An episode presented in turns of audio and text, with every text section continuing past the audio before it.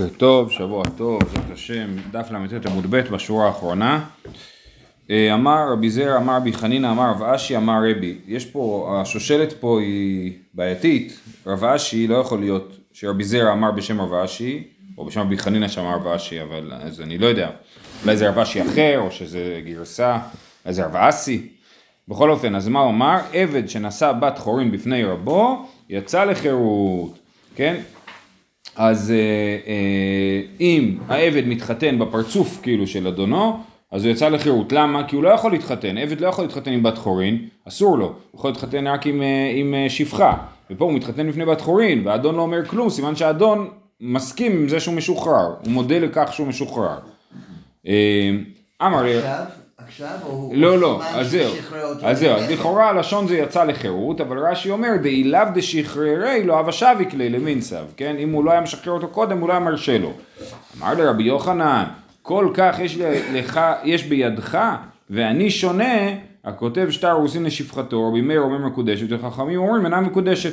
אומר לו, אתה אומר ככה, באופן כזה חד משמעי, בשם רבי, שהעבד שנשא בת חורין בפני רבו יצא לחירות, אני מה שאני מכיר, זה שכתוב, הוא כותב שטר רוסין לשפחתו, זאת אומרת שהאדון מארס את השפחה, מארס, זאת אומרת מקדש את השפחה בשטר. רבי מאיר אומר מקודשת וחכמים אומרים אינה מקודשת. אז אם האדון שמקדש את השפחה בשטר אינה מקודשת, איך אתה יכול להגיד שעבד שנשא בת חורם לפני רבו יצא לחירות? תשובה, כדאמר רבא ברב שלה כשרבו הניח לו תפילין. החנמי כשרבו הסיעו אישה, אז תכף נגיע בהמשך לעניין הזה שרבו הניח לו תפילין, אבל הכוונה היא לא סתם שהוא מתחתן בפנים של האדון, אלא שהאדון בעצמו הוא עורך הקידושין, כן? הוא, הוא מחתן אותו. כשאני רואה שהאדון מחתן את העבד עם אישה בת חורין, אני מבין שהוא משוחרר. חב"דניק הראשון. למה? מניח לו תפילין. מניח לו תפילין, כן. רבו זה אומר... אדונו, אדונו. אונר, כן. נכון, כן. ומי כמידי דלעבדי לא מעבד לאיסורא ואי הוא עבד איסורא, עדיין זה לא נוח לנו. למה? כי אנחנו אומרים, למה לא יכול להיות שהוא יחתן את העבד שלו, כי לא יכול להיות שהוא יעשה איסור, נכון? אבל כשאנחנו רואים אותו שהוא מקדש שפח, את שפחתו של עצמו, הוא בעצמו מקדש את שפחתו של עצמו, אנחנו אומרים אינה מקודשת. למה אנחנו אינה מקודשת? כי כנראה שהוא לא שחרר אותה. אז אתה אומר, לעצמו הוא עובר על איסור של להתקדש לשפחה. ולעבד שלו הוא לא יעבור על איסור, לכן בטח הוא שחרר אותו. זה משונה, כן? אי גמידי דלעבדי לא מעבד לאיסורא, ואי הוא עבד איסורא. לכן את הרעיון הזה שאמרנו שהכותב שטר אירוסין לשפחתו, שחכמים אומרים אינה מקודשת, צריך להסביר אותו. אמר רב נחמן בר יצחק, ככה במעסקינן דאמר לצאי בו והתקדשי בו. זאת אומרת, אם הוא מתחתן איתה, אנחנו מבינים שהיא משוחררת כבר. אבל אם הוא אומר, בשטר הזה אני רוצה שגם תשתחררי וגם נתחתן, ומה כתוב בשטר? הרי את מקודשת לי, כן? אה, זה מה שכתוב בשטר, הרי את מקודשת לי, אז השאלה האם השטר הזה יכול בכלל לשחרר אותה, כי לא כתוב הרי את משוחררת, כתוב הרי את מקודשת לי. אז רבי מאיר סבר, יש בלשון הזה לשון שחרור. איך? כי, כי אם הוא... כי זה תנאי? אה, לא בדיוק, לא, אני לא חושב שהוא חושב על תנאי, הוא חושב ש, שכיוון שהיא לא יכולה להתקדש לו, אלא אם כן היא משוחררת, אז זה כלול בפנים כאילו, העניין שהיא משוחררת. ורבנן סבר לא, צריך להגיד במפורש, הרי את משוחררת, הרי את אה, לא שפחתי, כן? ואז הוא יכול להגיד לה את מקודשת. זה לא כלול בלשון, זה כלול אולי בכוונה. כלול, לא בלשון, נכון, זה כלול בסיטואציה, כן. אה, אז זה, אז זה הדבר, כן? אז בכל אופן, אז מה יוצא? יוצא שאם ה- אם ה- אה, האדם נותן לשפחתו שטר רוסין, אנחנו מניחים שהוא שחרר אותה והיא מקודשת לו. רק במקרה שאומר צאי בו והתקדשי בו, אני רוצה שבשטר הזה תשתחררי וגם תתקדשי, וכתוב בשטר את מקודשת לי, שם יש מחלוקת רבי מאיר וחכמים. אה, ורבנן סבר אין בלשון הזה לשון שחרור. אמר ברשו בן לוי, עבד שהניח תפילין בפני רבו, יצא לחירות. כן, עבד ככה שם תפילין, עכשיו לעבד פטור מתפילין, כמו אישה. עבד חייב במצוות כמו אישה, כמו שאישה פטורה מתפילין כי זה מצוות עשה של זמן גרמה, למה תפילין זה מצוות עשה של זמן גרמה? כי אה, לילה לאו זמן תפילין, וגם שבת לא זמן תפילין. אפילו אם יש מי שאומר שלילה הוא כן זמן תפילין, אבל שבת היא לא זמן תפילין. בכל אופן, אז זה... לא, הפוך. לא זוכר. אה, בכל אופן, אז, אז זה מצוות עשה שהזמן גרמה, אז גם העבד פטור מתפילין, לא שאסור לו להניח תפילין, מותר לו להניח תפילין, אבל הוא פטור מזה. אז עבד שהניח תפילין לפני רבו, זה התנהגות של בן חורין. בן חורין מניח תפילין, עבד לא מניח תפילין, אז יצא לחירות. מי טבעי, לווה ממנו רבו, או שעשאו רבו אפוטרופוס, או שהניח תפילין בפני רבו, או שקרא שלושה פסוקים בבית כנסת בפני רבו, זאת אומרת שהוא עלה לתורה, הרי זה לא יצא לחירות, לא יצא לחירות, בדבר הזה הוא לא יצא לחירות, אז יש לנו סתירה, יש לנו, כתוב פה שהניח תפילין בפני רבו הוא לא יצא לחירות, וכאן כתוב שהניח תפילין בפני רבו הוא כן יצא לחירות. אמר רבא בר רב שאלה, כשרבו הניח לו תפילין, כן, אם האדון מסם, מניח לעבד תפילין, כמו שאמרת, החבדניק הראשון, אז הוא אה, אה, סימן שהעבד משוחרר, ואנחנו יכולים, אנחנו, אנחנו, שאנחנו רואים את זה, אומרים לעצמנו, בטוח שהעבד הזה הוא משוחרר ולא עבד יותר. כי עתה עבדים יאמר ביוחנן, מי שאמר בשעת מיתתו, פלונית שפחתי, אל ישתעבדו בה לאחר מותי. ככה הוא אמר, כן, הוא הולך למות, הוא אומר, השפחה שלי, אל ישתעבדו בה לאחר מותי. אבל הוא לא הביא לה שטר שחרור, והוא לא אמר לה את משוחררת, הוא רק אמר, אל ישתעבדו בה לאחר מותי, כופין את היורשין וכותבים לה גט שחרור. עכשיו אנחנו מבינים ש... אה, שהוא כאילו שחרר אותה, הוא שחרר אותה אבל לא הביא לה גט שחרור ורק היורשים צריכים עוד להביא גט שחרור. אמרו לפניו רבי עמי ורבי אסי, מי אמר את זה? רב דימי בשם רבי יוחנן. אמרו לפניו רבי עמי ורבי אסי, אז אני לא יודע אם אמרו את זה לרבי יוחנן, לכאורה לרבי יוחנן. רבי אי אתה מודה שבניה עבדים? מה, אתה באמת חושב שהשתחררה? אומר אל ישתעבדו בה, זאת אומרת אל תיתנו לה לעבוד. הוא לא אומר היא לא שפחה יותר. הוא אומר אל תיתנו לה לעבוד, אבל אם היא תהיה בהיריון ויהיה לה ילדים, אז הילדים יהיו עבדים, כי היא עדיין לגמרי שפחה. אז זה בעצם מה שהם שואלים אותו, והוא לא, אין לנו את התשובה שהוא עונה להם. בסדר? אז עוד פעם, רבי יוחנן אמר ש... אה, פלונית שפחתי אל ישתעבדו בה לאחר מותי, כופים את היורשים ונותנים לה להגיד שחרור. רבי עמי ורבי יאסי הבינו שמה שרבי יוחנן חושב זה שבעצם השתחררה כבר והיא רק צריכה אה, שטר, גט שחרור, כן? ורבי עמי ורבי יאסי אומרים לא, מה הכוונה שלו שאומר אל ישתעבדו בה? אל תעבדו איתה, אל תיתנו לה לעבוד קשה, אבל היא לא משוחררת בדבר הזה. זה אה, אה, מסורת אחת של רבי יוחנן. מסורת שנייה, כי עתה רב שמואל בר יהודה אמר רבי יוחנן מי שאמר בשעת מיתתו פלונית שפחתי קורת רוח עשתה לי, יעשה לה קורת רוח.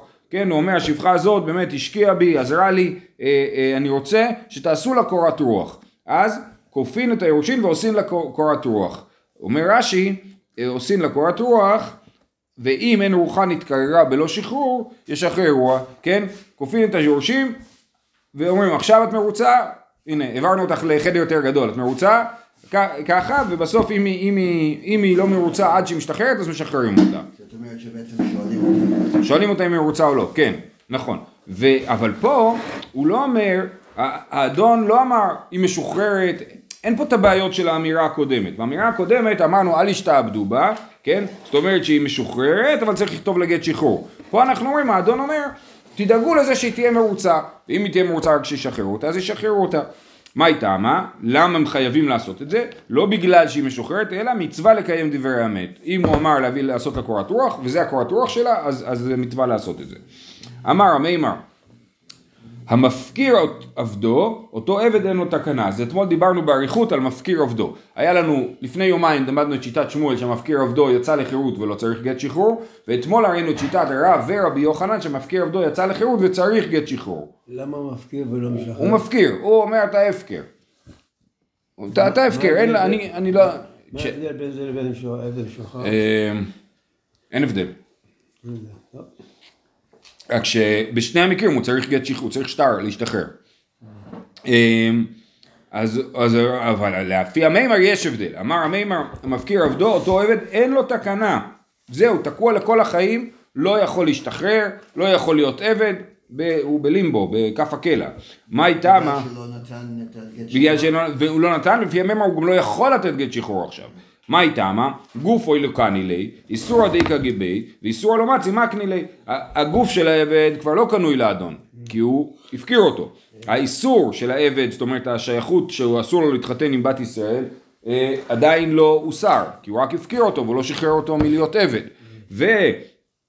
אה, איסור דאיכא גבי, ואיסור הלא מצי מקני לי. עכשיו, הגוף של העבד לא שייך לעבד הגוף של העבד לא שייך לאדון, ולכן האדון לא יכול לשחרר את העבד, תקוע.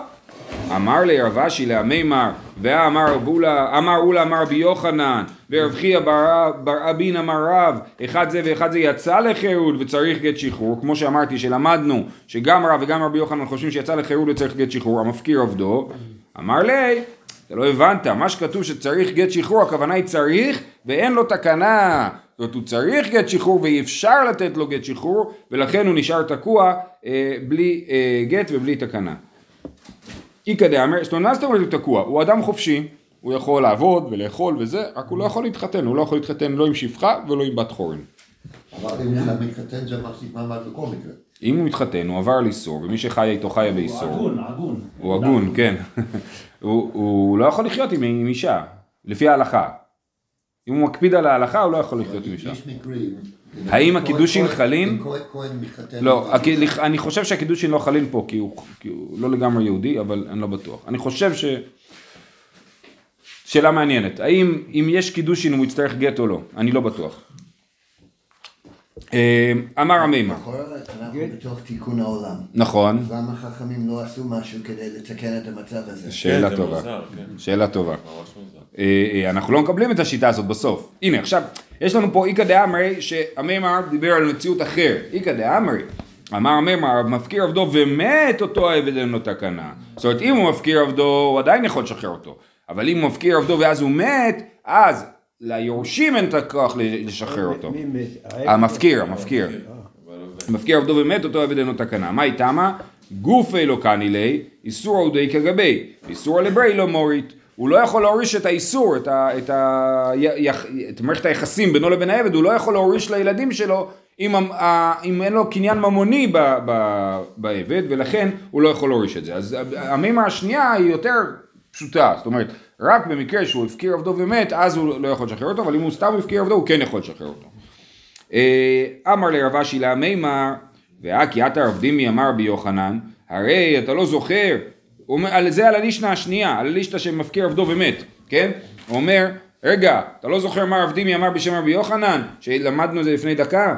אה, אה, מה הוא אמר? מי שאמר בשעת מיתתו פלונית שפחתי אל ישתעבדו בה לאחר מותי כופין את היורשים וכופין לגט ומה הסברנו? שאומר אל ישתעבדו בה, זאת אומרת היא משוחררת והיורשים צריכים לכתוב גט, אז הנה, היורשים למרות שהם לא ירשו באופן ממוני את השפחה, כי הוא כבר אמר אל ישתעבדו בה, אה, עדיין הם יכולים לכתוב גט. אז הוא אומר לו, טעות היא, כי את עבדימי אמר ביוחנן דעבדימי טעות היא. זה מה שהוא עונה לו, מה שעבדימי אמר זה טעות. אמר לי, מהי טעותה? דלא אמרה בלשון שחרור. הא אמרה בלשון שחרור. אומר לו, מה הטעות של רב דימי? למה אתה חושב שרב דימי טועה?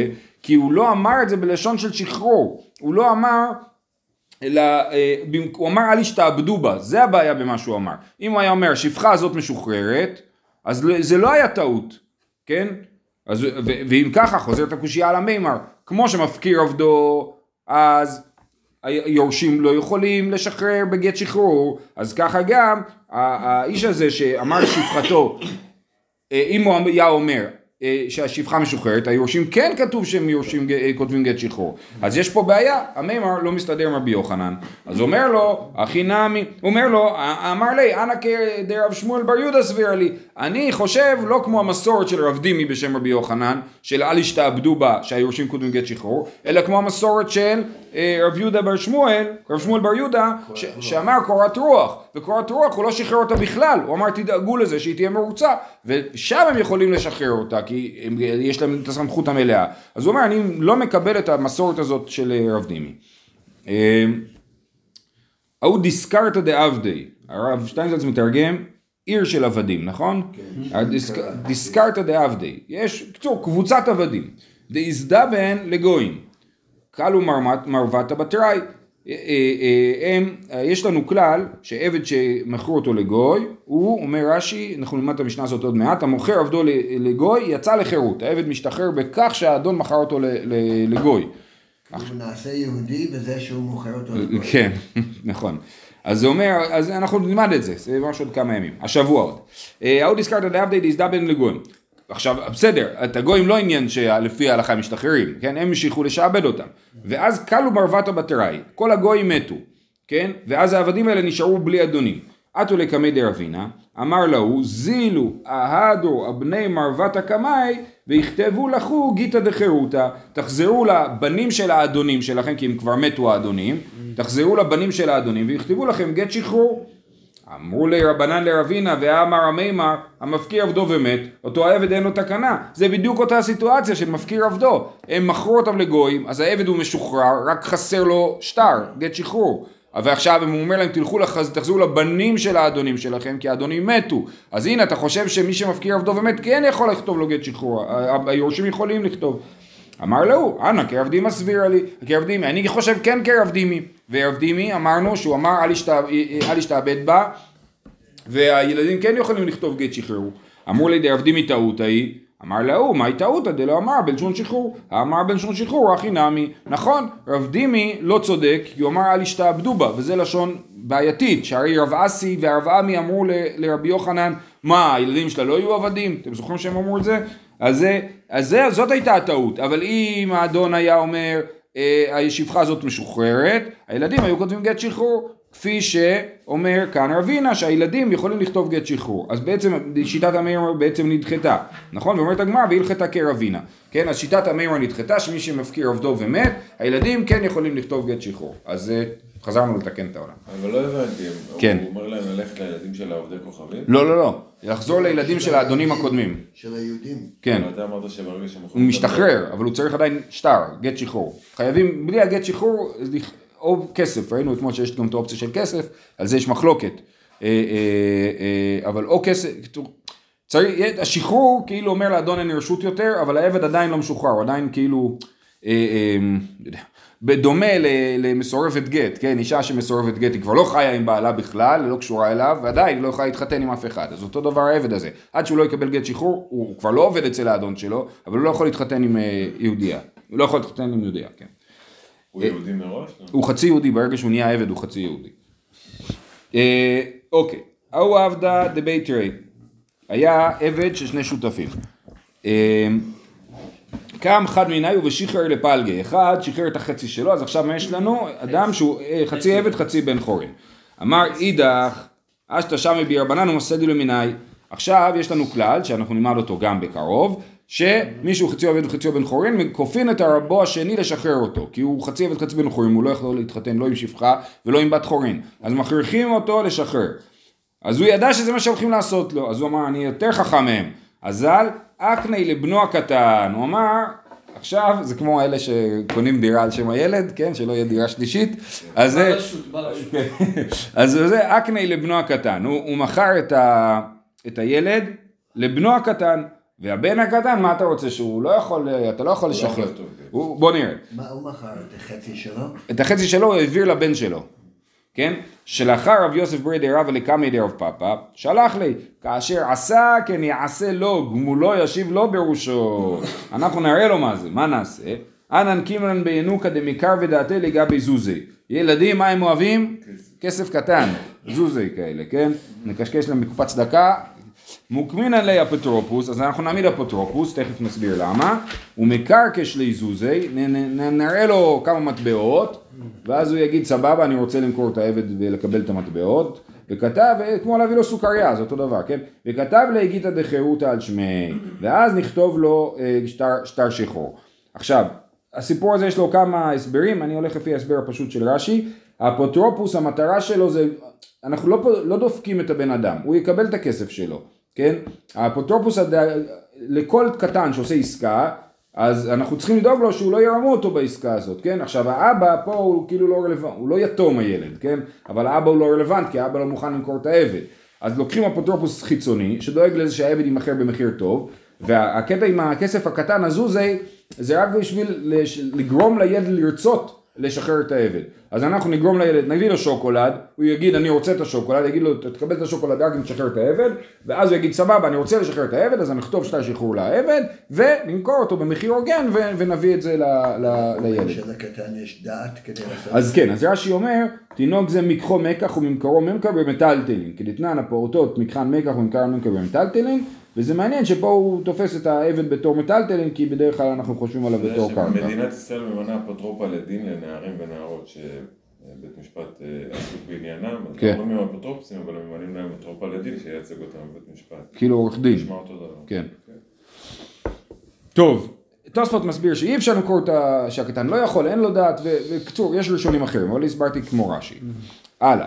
תנו רבנן, אומר עשיתי פלוני עבדי בן חורין, עשוי בן חורין, הרי הוא בן חורין, כן? אם הוא אומר, אני עשיתי את עבדי בן חורין, אז עבד בן חורין. אבל אם הוא אומר, הרי הוא בן חורין, או אעשנו בן חורין, רבי אומר קנה, וחכמים אומרים לא קנה. על זה יש מחלוקת אם הלשון הזאת היא עובדת, ורבי יוחנן אמר וכולן בשטר. כל מה שמדובר פה זה לא סתם שהוא אמר, אני עשיתי את העבד שלי בן חורין, אלא שהוא כתב בשטר. אז אם כתוב בשטר, אעשנו בן חורין, זה לשון בעייתית, על זה יש מחלוקת אם זה עובד או לא, כי השטר, מה זה שטר? זה הצהרת כוונות, אני יום אחד אעשה אותו בן חורין. קשה להסביר פה שהכוונה היא שהוא כבר בן חורין, ולכן השטר הזה הוא, הוא בעייתי, אבל כל הברייתא הזאת רבי יוחנן מעמיד אותה במקרים שכתוב בשטר, אחרת באמת איך הוא ישתחרר. אותו... זה כתוב בלשון הווה, נכון, אז למה זה יכול להיות עתידי אם זה לשון? רגע, לא, האומר עשיתי פלוני עבדי בן חורין, עשוי בן חורין, זה בסדר. אבל אם הוא אומר, אם הוא אומר, לא, הרי הוא בן חורין, זה הווה, אעשינו בן חורין זה לשון עתיד. אז הרי הוא בן חורין, בשטר, זה שטר שאומר שהוא בן חורין, אבל השטר בעצמו אמור לשחרר אותו. זה דבר בעייתי, כן? אם אני אומר, אם בשטר אני כותב, עשיתי עבדי בן חורין, אז אני מביא את השטר והוא, והוא כבר בן חורין, כן? אז לכן הלשון של הרי הוא בן חורין ואעשינו בן חורין היא בעייתית, אותו דבר לגבי שדה. תנו רבנן, גם שדה נקנית בכס, בכ- בכסף שטר בחזקה, כן? אז בשטר, אז שטר עצמו אמור להיות שטר שכתוב בו שאני מוכר את השדה לפלוני, כן? אז אומר, או, או פה זה מתנה, כן? אני נותן את השדה לפלוני. אומר נתתי שדה פלונית לפלוני, נתונה לפלוני, הרי שלא, הרי שלא, הרי שלא, זה הדין. אבל אם כתוב בשטר, הרי שלא אתננה לפלוני, רבי מאיר אומר קנה וחכמים אומרים לא קנה, עוד שוב פעם אותה מחלוקת, גם יש מי שגורס פה רבי אומר כמו בברית הקודמת, וחכמים אומרים לא קנה, אמר רבי יוחנן וכולן בשטר. שוב, מדובר פה על שטר, אמירה בלבד בעלמא לא יכולה להקנות שדה ולא יכולה לשחרר רגל. תנו רבנן אומר עשיתי פלוני עבדי בן חורין והוא אומר לא עשה אני, יש מחלויקס. האדון אומר זהו בן חורין שירד ממני והעבד אומר לא לא מה פתאום אני לא בן חורין אוקיי אז הוא אומר עשיתי פלוני עבדי בן חורין והוא אומר לא עשה אני אז אומרים לעבד מי אמר לך אתה לא יודע אם הוא עשה אותך בן חורין או לא חיישין אנשי מזיקה לא ידי אחר אז אנחנו רואים כנראה כשהוא אומר הוא אומר אמת ואיך הוא שחרר את העבד? בלי שהעבד ידע. הוא לקח אדם אחר ואמר לו תזכה ל- לעבד שלי בשחרור. כן שלא בפניו. וגם עבד, אה, איך קוראים, אה, נוח לו הפקרות, אז הוא לא רוצה להשתחרר. אה, יש, יש סברה כזאת, אבל אנחנו מצד שני, אנחנו כן אומרים שמי ש... שזוכין לעבד שלא בפניו. אה, כן, אז אתה צודק שיש סברה כזאת, אבל בסופו של דבר זוכים לעבד שלא בפניו בשטר שחור. אבל אם האדון אמר לעבד, כתבתי ונתתי לו, והוא אומר לא כתב ולא לי ולא נתן לי, הודעת בעל דין כמאה דין דמי. זאת אומרת, אם הוא אמר, אני שחררתי את העבד שלי, העבד לא יכול להגיד שזה לא נכון, כי אולי הוא עשה את זה לא בפניו, אבל הוא אמר, אני נתתי לו שטר שחרור, והעבד אומר, מה פתאום, הוא לא נתן לי שטר שחרור, אז למי אנחנו מאמינים? לעבד. למה? הודעת בעל דין כמאה דין דמי, זה בעצם סוג של ויכוח ממוני. ה- הבעל, הבע- העבד מודה שהוא לא משוחרר, כן? אז הוא מודה שהוא שייך לאדון אחר עדיין, ולכן הודעת בעל דין כמאה דין דמי והעבד הזה הוא לא משוחרר. אם האדון ירצה באמת לשחרר אותו, שיכתוב לשטר באמת. טוב לו עוד פעם שטר, כן? נכון. מה- הלחץ? יקר, לא. רק הוא כל פעם יקרא את השטר ויגיד הוא לא שחרר אותי. אז, אה, האומר נתתי שדה, אותו דבר לגבי שדה, אומר נתתי שדה פלונית לפלוני והוא אומר לא נתן לי, חיישינן שמזיקה לו על ידי אחר. כתבתי ונתתי לו והוא אומר לא כתב ולא נתן לי, הודעת בעל דין כמאה עדים דמי. אה, מי אוכל פירות? אז במצב הזה שבו יש לנו שדה, גם לגבי העבד אבל גם לגבי השדה, שאני אומר שהשדה כבר לא שלי ואתה אומר שאתה לא קיבלת אותה, כן? אז מי אוכל את הפירות בינתיים? רב חיסדא אמר נותן אוכל פירות ורבא אמר משלשין את הפירות אז רב חיסדא אומר הפירות הולכים לנותן כי לגמרי אנחנו מאמינים למקבל שהוא לא קיבל ולכן הנותן מקבל את הפירות אבל אה, רבא אמר משלשין את הפירות מה זה לשלש? לשלש זה לשים אצל צד שלישי זה מהמילה שלוש כן? שמים את הפירות אצל צד שלישי הוא שומר את הפירות מה הוא יעשה איתם? הוא ימכור אותם יהפוך אותם לכסף את הכסף הוא יניח בצד אה, עד שיבוא אליהו כן? ככה רש"י אומר פה נאמן, ביד שליש נאמן עד שיבוא אליהו. אז אה, אומרת הגמרא ולא פליגי, הבאבא הבברא. זאת אומרת, האבא, אם האבא, אם האדם עצמו אומר לא קיבלתי את השדה, אז אנחנו מאמינים לו לגמרי, ולכן הנותן של השדה יקבל את הפירות. אבל אם הבן של האדם אומר, לא נראה לי שאבא שלי קיבל את השדה, אבא שלי לא סיפר לי על זה כלום, כן? אז אנחנו אומרים יש פה ספק באמת, ולכן הפירות יהיו ביד שליש. אוקיי? וזה לא מחלוקת, כן? רב, רב חיסדא ורבא לא נחלקו, הם פשוט דיברו על סיטואציות אחרות. במ- במקרה שהאדם אומר לא קיבלתי את השדה, אז באמת נותן אוכל פירות, ואם האדם נפטר והבן שלו אומר אבא שלי לא קיבל את השדה, אז משלשין את הפירות. למה יש שתי מקרים, גם עבד וגם שדה? שאלה מעניינת, האם יש הבדל ביניהם. על המקרה של השדה, החידוש זה הסיפור של הפירות.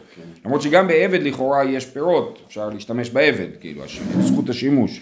אמ, לא, לא יודע להגיד למה, מה, מה, זה, מה זה מחדש לנו. אמ, זהו, אני חושב שנעצור פה, כי המשנה הבאה היא צריכה גמרא. שיהיה לכולם יום טוב. יש מניין, אפשר